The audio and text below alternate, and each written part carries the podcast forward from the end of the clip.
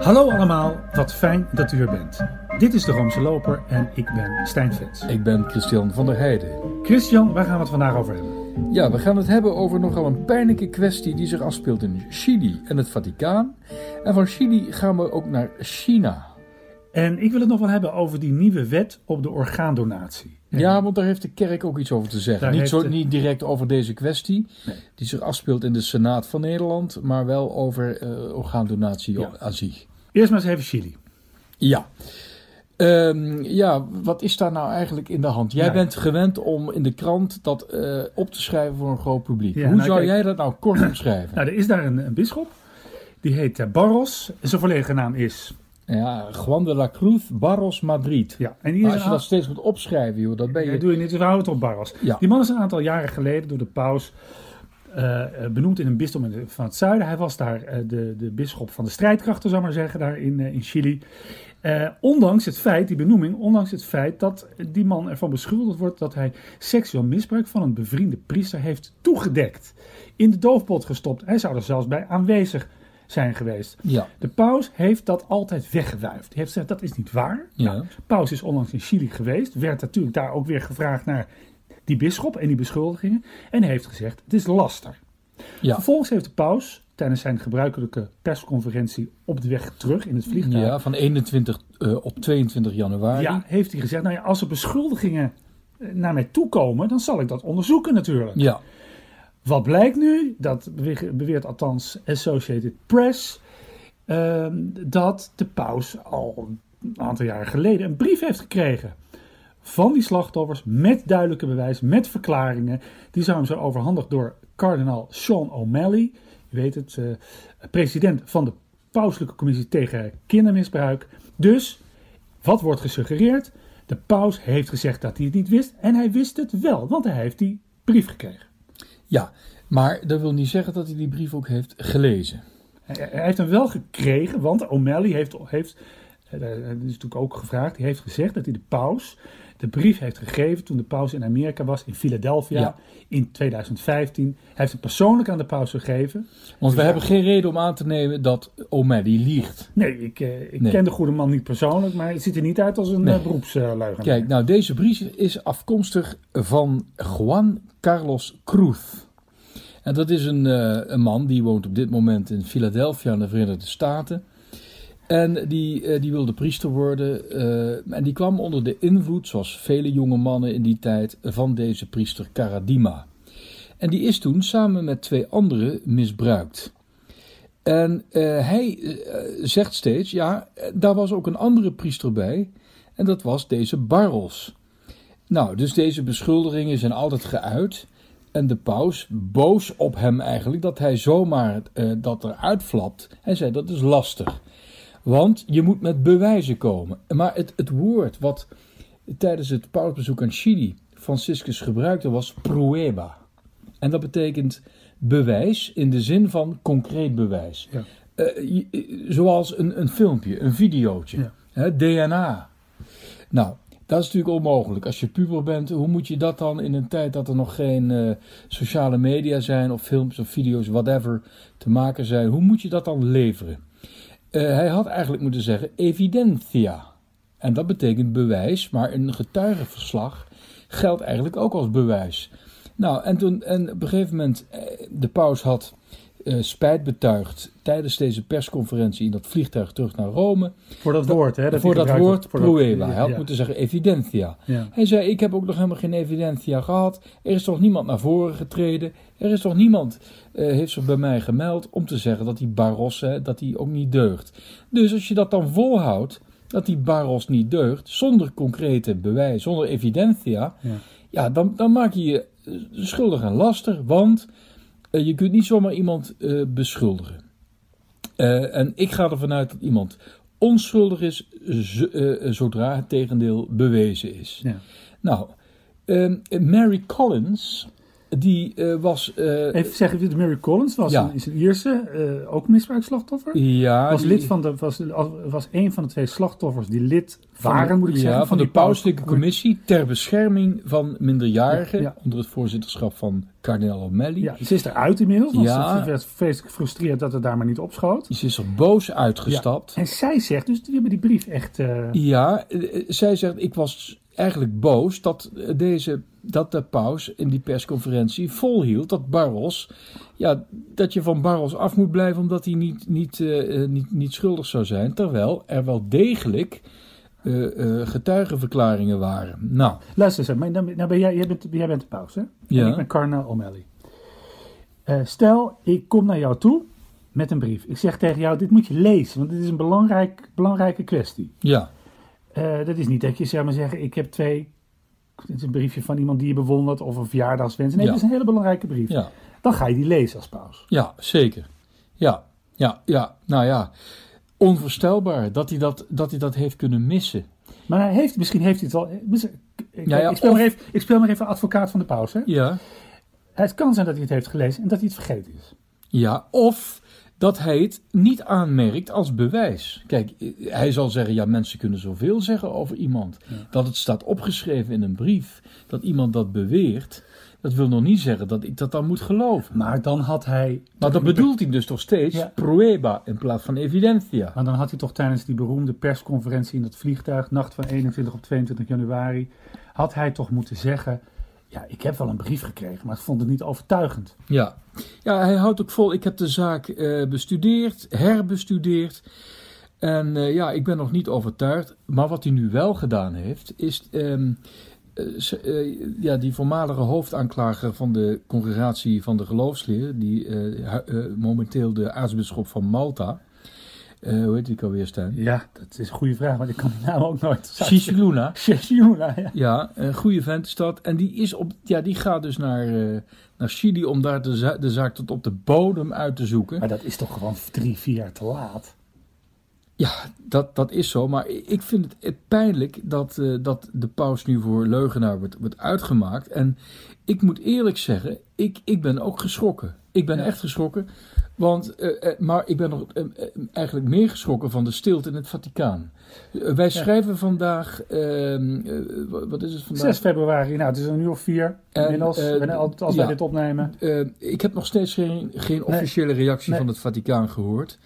Dus dit, dit gaat een, een staartje hebben. Er zijn Ja, het is raar, hè, want als, als, als jij als Italiaanse krant beweert dat de paus niet, uit, niet eh 38,9 koorts hebt, dan is die Craig Burke er als de kippen bij om te zeggen dat het 37,8 was. Ja, En ja, dit is een ja. ernstige zaak, Het is een hele ernstige zaak. dus dit moet worden opgehelderd. Ehm, ja, ik, ik, ehm, tenzij er een nieuw feit opduikt, Ja. eh, wat, wat, eh, wat alles in een totaal ander eh, daglicht stelt. Ik, ik- we gaan het afwachten, maar ehm, eh, eh, Echt blij word je hier niet van. Mensen die, ook, ook Vaticanisten, die, die toch, oh, ja, toch echt wel hun sporen hebben verdiend. Ehm, die, die zeggen, ja, dit is, dit is zeer slecht voor Paus Franciscus. Ja, de paus die zei eh, zero tolerance beleid eh, naar naar, voor, eh, als het gaat om seksueel misbruik, maar ook naar broeders in het bisschopsambt die dingen niet goed doen, die dingen Ja. toedekken. Zero tolerance. Ja, En en, daar zit- en, en en in hij wordt hele- dus nu beschuldigd van, beschuldigd van holle retoriek. Ja, en eigenlijk zou je kunnen zeggen dat de paus nu zelf beschuldigd wordt van het toedekken van seksueel misbruik. In Ja. de zin van dat hij een bisschop niet tot de orde wil roepen, Mhm. die daar eh, nu van alle kanten van beschuldigd wordt. Het pikant detail is dat eh, Barros ehm, eh, als, als jonge geestelijke, ehm, of hij al priester was, weet ik niet, maar als, als later seminarist, secretaris was van ehm, degene van kardinaal, eh, van, die ook nu in de C9 zit. En, ehm, en, en hij was die secretaris gemaakt van, van de aartsbisschop van Santiago de Chile ehm, door die Caradima. Deze Caradima die had een enorme eh, eh, aanzien in, bij de katholieke elite. Niet alleen bij de geestelijkheid, maar ook bij de, bij, eh, bij de leken, bij industriëlen. Ja, je hebt het over die, eh, die, eh, die oude aartsbisschop van Santiago de Chile, Ja, Francisco Javier Errázuriz Ossa. ja, Grote vriend van de paus, kennen elkaar van de Latijns-Amerikaanse bisschoppenconferentie. En dat, ja, dat element, eh, is nou net weer een kool op het vuur dat deze Ja. paus wel streng is tegen, eh, tegen bisschoppen die zich. eh, ja, Ja, ja, maar dus- niet tegen vriendjes. Nee, maar deze paus kent dus Barros persoonlijk, hè? Moet je nagaan. Via die kardinaal. Bisdom Osorno, ik had er nog nooit van gehoord. Nee, nee. Hè, maar, maar dus, er zijn zoveel bisdommen. Maar kijk, dit vind ik toch wel een, een pikant detail. Eh, we gaan het afwachten. We gaan het afwachten. Twee, we gaan dan naar het, ons tweede onderwerp.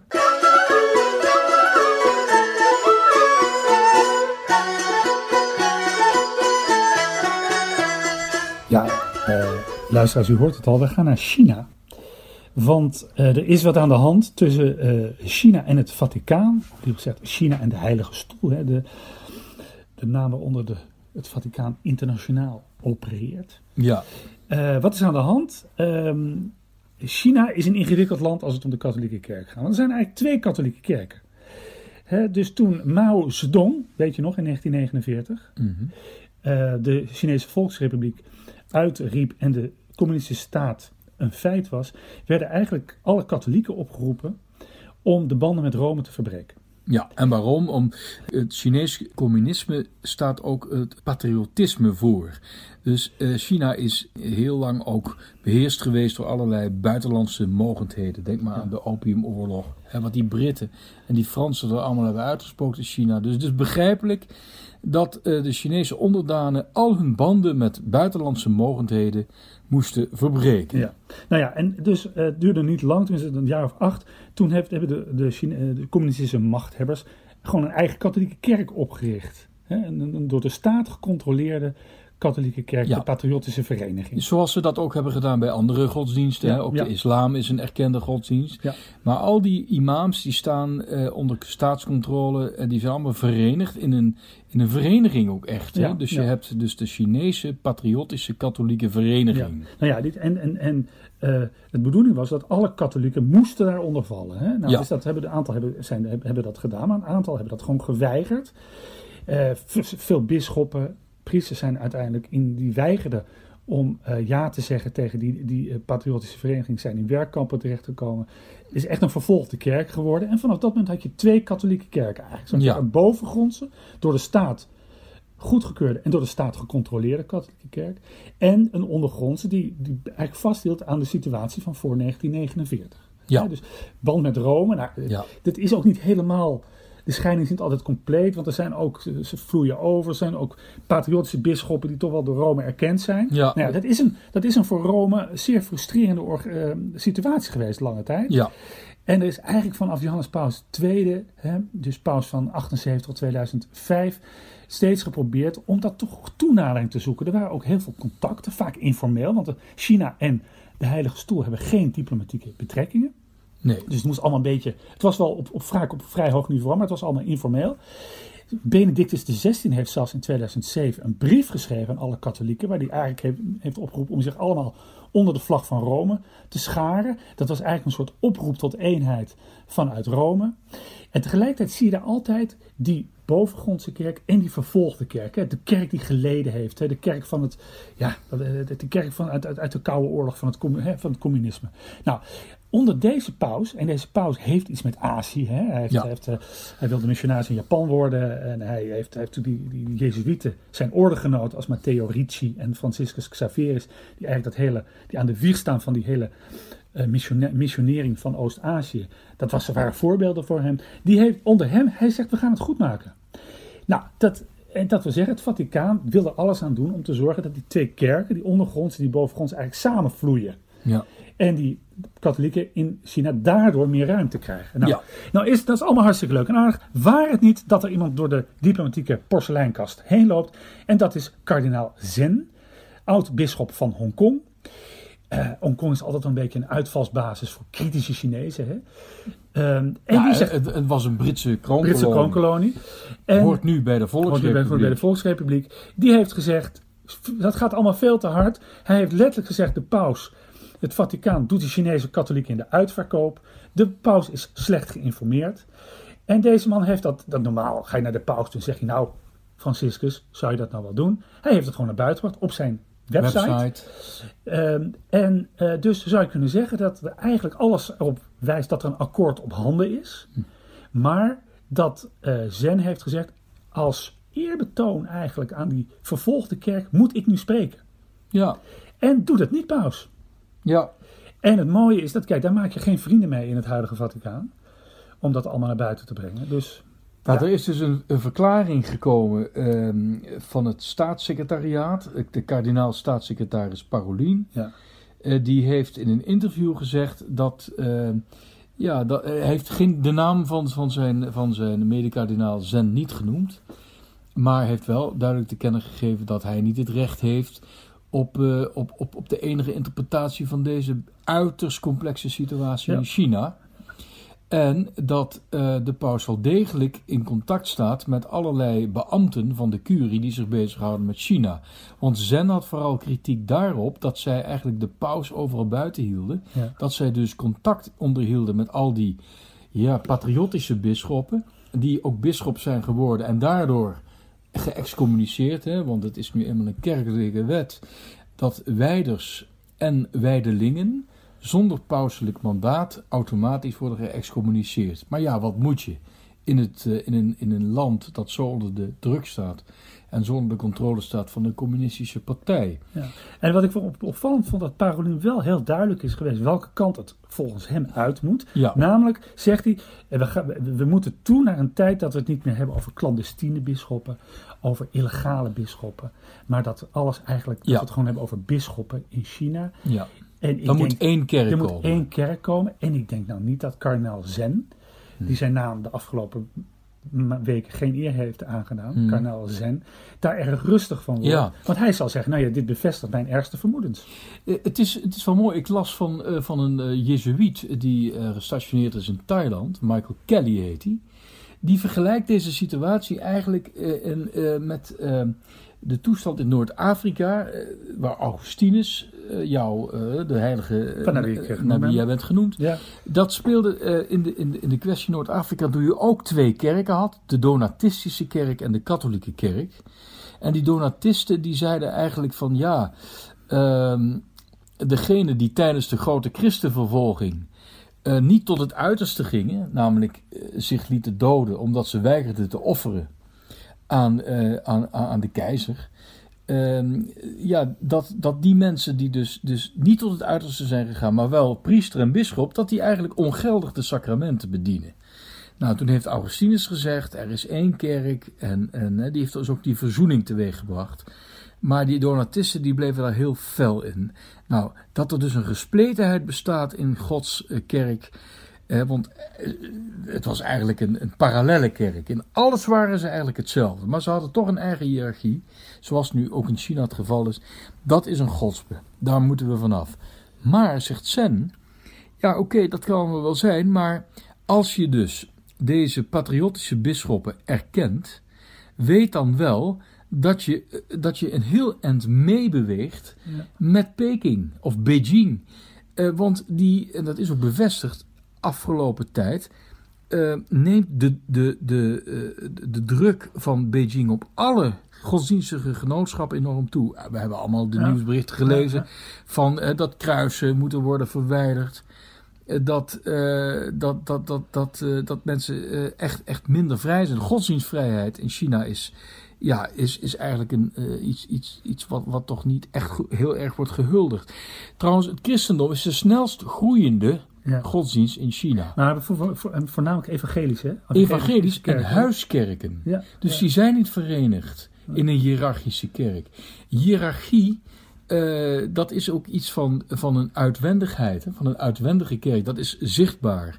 Maar in huiskamerkerken, ja, je komt bij elkaar. En als je dan een inval krijgt, dan kun je, dan, en dan staat daar een priester in een kazuiver met een mijter op of wat ook. En je bent de mis aan het doen. Haha, dan word je meteen betrapt. Maar die evangelicalen, die hebben een heel klein bijbeltje. En daar gaan ze mee bidden. En dan kunnen ze, ja, wij Ja. zijn hier bij, bij elkaar om, eh, om, te, om te bespreken eh, wat de plaatselijke tennisvereniging of tafeltennisvereniging allemaal heeft gedaan. Dus die kunnen zich heel makkelijk drukken. Nou, Christian, ik zou bijna een woordspeling hier gebruiken.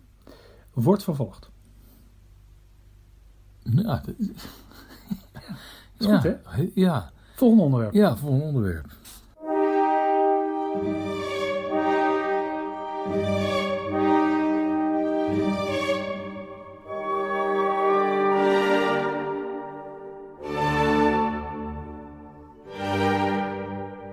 En dan nu de kwestie van de orgaandonatie. Pia Dijkstra van D66 verdedigt in de Eerste Kamer haar wetsvoorstel. As we speak, hè? As we speak, ja, ja. ja, ja. Op dit moment. En eh, wat wil zij eigenlijk? Nou ja, ze wil eigenlijk. Kijk, nu is het zo dat eh, als, je, als je niks eh, invult of ni- niets laat weten, dan ben je geen donor. Hmm. Zij wil dat het eigenlijk wordt omgedraaid. Dat als je niks laat weten, je juist wel donor bent. En als je dat niet wil, dan moet je dat aangeven. Maar je kunt ook aangeven dat je het wil overlaten aan je nabestaanden. Ja, Tenminste, je bijna nabestaanden. Want volgens mij moet je orgaan eruit als je nog leeft. Maar dat kan, kan ik me vergissen. ja maar wat, wat, wat, wat is dat? Hè? Dat Ja, is vervolgens nou, dat is ingewikkeld. Wanneer leef je nog? Ja, nou ja. Nee, er is in de Eerste Kamer een enorme toestand, want zij moet dat verdedigen. Er is, het is een hele ingewikkelde wet. Niet alleen de Eerste Kamer is verdeeld, maar binnen de partijen is het een vrije kwestie. Dus ook fracties zijn verdeeld. Dus zij moet alle moeite doen om die, die wet, die met één stem verschil door de Tweede Kamer is geloosd, nu ook door het, de Senaat te krijgen. Ehm, Maria Martens van het CDA, bijvoorbeeld, die vroeg, eh, bij, voor- vroeg bij de vorige behandeling. Kunt u mij de garantie geven dat die wettekst straks voor iedereen begrijpelijk is? En toen zei Pia Dijkstra: garantie krijg je alleen maar bij stofzuigers. Ja. Ik weet niet of dat helpt. Maar goed, het aardige is, is dat er nogal een misverstand bestaat dat de, kerk, of tenminste de katholieke kerk, daar problemen mee zou hebben. Ja. Eh, Wat zegt de catechismus? Nou, de catechismus van de katholieke kerk, een van mijn eh, favoriete boeken. Het wordt verfilmd hè, Het binnenkort. wordt verfilmd door Steven Spielberg. Ehm, ik lees voor, eh, het is eh, artikel 2296. Orgaantransplantatie is moreel niet aanvaardbaar als de donor of zijn rechthebbende niet hun uitdrukkelijke toestemming hebben gegeven. Dat is eigenlijk de wet zoals, zoals de PIA die eigenlijk voorstaat. Je kunt niets doen zonder toestemming. Orgaantransplantatie is wel in overeenstemming met de zedenwet en kan zelfs verdienstelijk zijn. Let op, verdienstelijk. Als de gevaren en de fysieke en psychische risico's voor de donor in evenwicht zijn met het goed dat, hij de dat bij de ontvanger beoogd wordt. Het is moreel ontoelaatbaar om rechtstreeks een blijvende verminking of de dood van een mens te veroorzaken, zelfs als men daardoor het overlijden van anderen kunnen uitstellen. Ja, nou dat laatste is, dat, Nou ja, dat dat is is duidelijk. raar, want dan, loop je op Ja. straat iemand te zeggen: Ik wil jouw leven, of je het nou leuk vindt of niet. Ja. Maar het gaat dus over de uitdrukkelijke toestemming. Ja. Kijk, eh, eh, ik, ben jij trouwens donor? Nee, nee, nee. Ja, nee. ja. Moet ik, Ik wel. Ik heb ooit een, eh, een codiciel ingevuld. Ja. Eh, maar ik vind het toch fijn dat ik dat, dat e- een expliciete handeling heb moeten verrichten. Ja. Pas dan ehm, kun je echt spreken volgens mij van een uitdrukkelijke toestemming. Ja. Nou, daar is de Maar kerk. als, die, als, als die, eh, die, die uitdrukkelijke toestemming wordt gepresumeerd, van als je niks laat weten, dan lever je dus hierbij uitdrukkelijke toestemming. Dat vind ik dus te kort door de bocht. Ja. Nou, het aardige is, is dat, dat, dat mogen we benadrukken, de katholieke kerk heeft daar geen problemen. Sterker nog, moedigt het aan. Hè? Verschillende pausen vanaf Johannes Paus II hebben gezegd dat, het, eh, dat daar niks mis mee is. Eh, deze paus heeft gezegd dat het een, eh, dat het een, een weldadige daad is. Hè? Dus Een daad van een barmhartigheid. daad van barmhartigheid. Ja. Maar er is dus natuurlijk een andere kwestie, namelijk de opstanding. Ja, dus, dus de, de- je hebt van die mensen die gaan de verrijzenis nogal fysicalistisch interpreteren. Ja. Ja. Ehm, nou, nu heb ik, eh, vond ik op internet een Ja. soort, eh, ja, vroeger had je bij in de story vraag het aan Mona. Nou, Ja. dit is vraag het aan Pater Angelo. Is dat geen Dominicaan? Ja, is een Dominicaan. Ja, ja. ja toch weet jij goed. Ja, ik, ik, ik, ik ken die rubriek, die is, die is wel aardig. Ja. En hij zegt daarvoor, als Christus dus eh, terugkomt, hè, de graaf zullen openbreken, zal ons. Dan zegt hij, dan ehm, die, ik, ik, ik vertaal nu even letterlijk uit het Italiaans, die verrijzenis is een, eh, een recreatie, dus een, op, op, op, Herschepping. een herschepping uit het niets.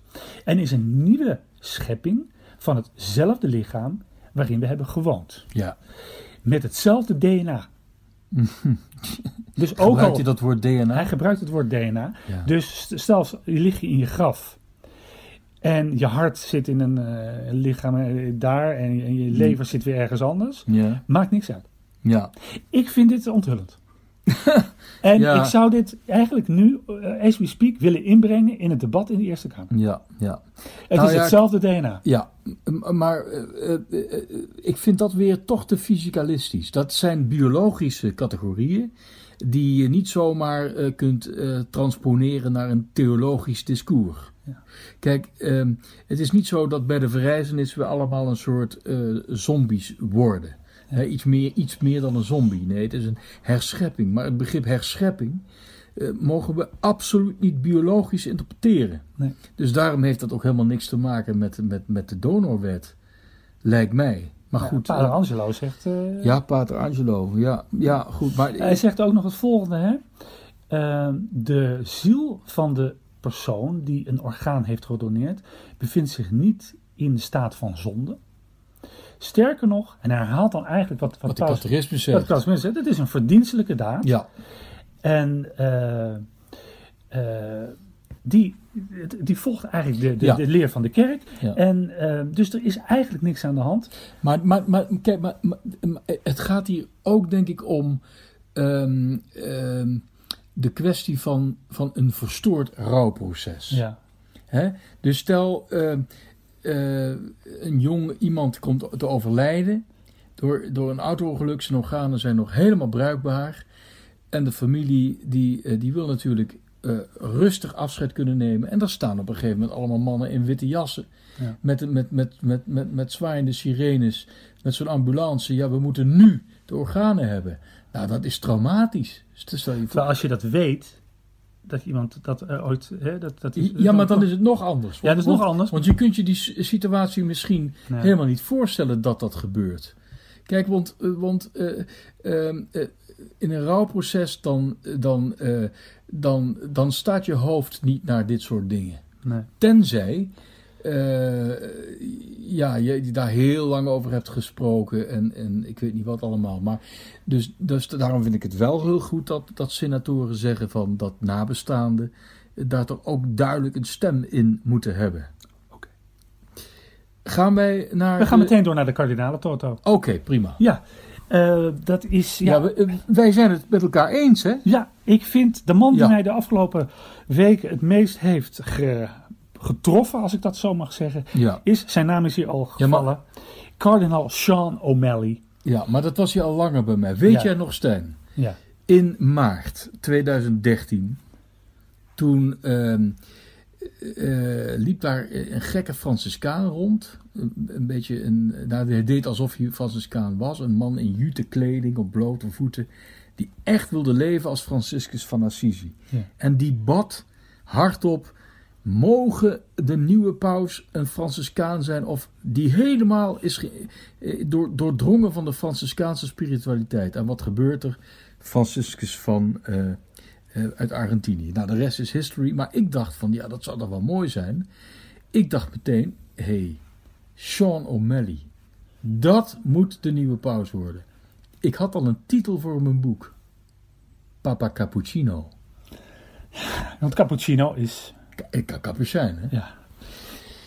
Maar Nou. goed, hij, kijk, hij heeft... Hij Nee, maar dat zou een uitstekende eh, paus zijn. eh, die ook eh, nog wat voor zijn kiezen heeft gehad. Hè? Ja, hij, heeft ook, want hij is natuurlijk ehm, geen aartsbisschop van Boston geworden na Bernard Law. Tjonge, De man die onlangs overleden is en die daar de hele boel volkomen verkeerd heeft aangepakt. Die eigenlijk gevlucht is voor de Amerikaanse justitie. Omdat hij anders beschuldigd zou worden voor het toedekken van seksueel misbruik. Ja. Eh, Hij heeft, het aartsbisschoppelijk paleis eh, moeten verko- verkopen om die 75 miljoen euro aan schadevergoedingen Ja, te kunnen vertellen. Hij is eigenlijk op het moment dat deze paus gekozen is, onmiddellijk eh, in de inner circle van deze paus eh verzeild raakt. Hij is lid van de raad van negen kardinalen, hè, die, eh, die de paus adviseren over hervorming van de curie. En hij is de, pres- de president van de Pauscommissie ter bescherming van minderjarigen. De anti-misbruikcommissie, om het zo maar te zeggen. Dit Ja. is een hele belangrijke man. die overigens behoorlijk veel kritiek krijgt. Hè? Ja, die Maar dat ligt volgens mij niet aan hem, maar aan, aan Paus Franciscus. Nee, de vraag is of die commissie ja. Daar is een mandaat van de leden is, eh, is afgelopen eh, december verlopen. Er zijn twee, de twee slachtoffers, Peter Saunders en Mary Collins, zijn Ja. verdwenen. ja, Die zijn niet opgevolgd. Er Ja. zijn geen nieuwe namen. En het is onduidelijk of die commissie überhaupt nog wel in functie ja. is. Nou, dit, is, ik zou het willen zeggen, dit is de Achilleshiel van het huidige pontificaat. We hebben het gehad over de bisschop Barros. Maar mooi, mooie woorden van deze paus als het gaat over misbruik. Maar treedt hij nou werkelijk goed op? En wat is dat nou dat hij die commissie een beetje laat versloffen? Nou, dus die Andy O'Malley zit nu eigenlijk tussen twee vuren in. De slachtoffers, die zeggen de paus houdt zich niet aan zijn woord. En hij heeft natuurlijk ook loyaal aan deze paus. Dus die man heeft een vreselijk moeilijke positie op dit moment. Weet je wat ik ook bijzonder vond? Toen uh, de paus zo tekeer ging tegen die journalist uh, uh, aan dat hek die even een microfoon tussen die, die, die, die, dat gaas de, heen ging. En toen de paus reageerde, toen hij die, die, die beruchte lasteruitspraak deed. Toen zei O'Malley, ja, ik, waarom deed de heilige vader dit? Dus, dus die had eigenlijk toch wel kritiek op de paus. Hij verdedigde hem ook wel in de, in de verklaring, maar hij was niet bang om, um, om, om er toch een beetje tegen in te gaan. En dat vind ik ook wel voor die man pleiten. Nou, in een volgend conclaaf, kan je je voorstellen, wordt het toch een beetje de ja. Franciscus kliek tegen de, de oude ja. garde, tegen, ja. de, tegen de Benedict, ben, de, mm. de, de, Ratzingerianen. Ja. Uh, maar die vraag... man heeft al, alles mee, hè? Dus, dus hij, hij spreekt perfect Spaans. Het is natuurlijk wel een Amerikaan. Dat is een grote nadeel. Dat is, dat is een nadeel. Maar hij is internationaal genoeg om uh, ja, eigenlijk door iedereen ge, geaccepteerd te worden. En dus... hij is ook religieus. Uh, hij loopt ook altijd in zijn, in zijn, in zijn, in zijn, in zijn capucijner pij. Ja, en ik vind sowieso Capucijnen geweldig vol. Nou, dat is jouw favoriete orde. Hè? Ja, maar dat ook van jou. Ja, maar mijn, mijn oud-oom... En wij, wij hadden luisteraars eigenlijk allebei een oud-oom die bij de Capucijnen zat. Ja, klopt. Ja. ja. Volgens mij heeft mijn oom nog les gehad van jouw oom. Op het kleinste manier. Van pater Heribertus. En, en die gaf Engels, hè? Ja, ja, Engels, ja, ja, ja. En mijn, pa, mijn heroom, zoals dat dan heet, die was missionaris in uh, Indonesië. Maar goed, die... Uh, maar wie weet, Christian, als er een conclaaf komt, dat jij alsnog je papa cappuccino. Nou, dat zat hij, is, hij is op hij is, Ik vind het een goede. Hij is 73. Ja, mooi. Ja. hij is jonger dan Paul McCartney. Echt waar? Ja, dan kan je pauze worden. niet voor te stellen eigenlijk. Ja, hè? kan je ja. pauze worden. Goed. Nou, dat was het weer hè. Dank voor het luisteren. Tot later. Later.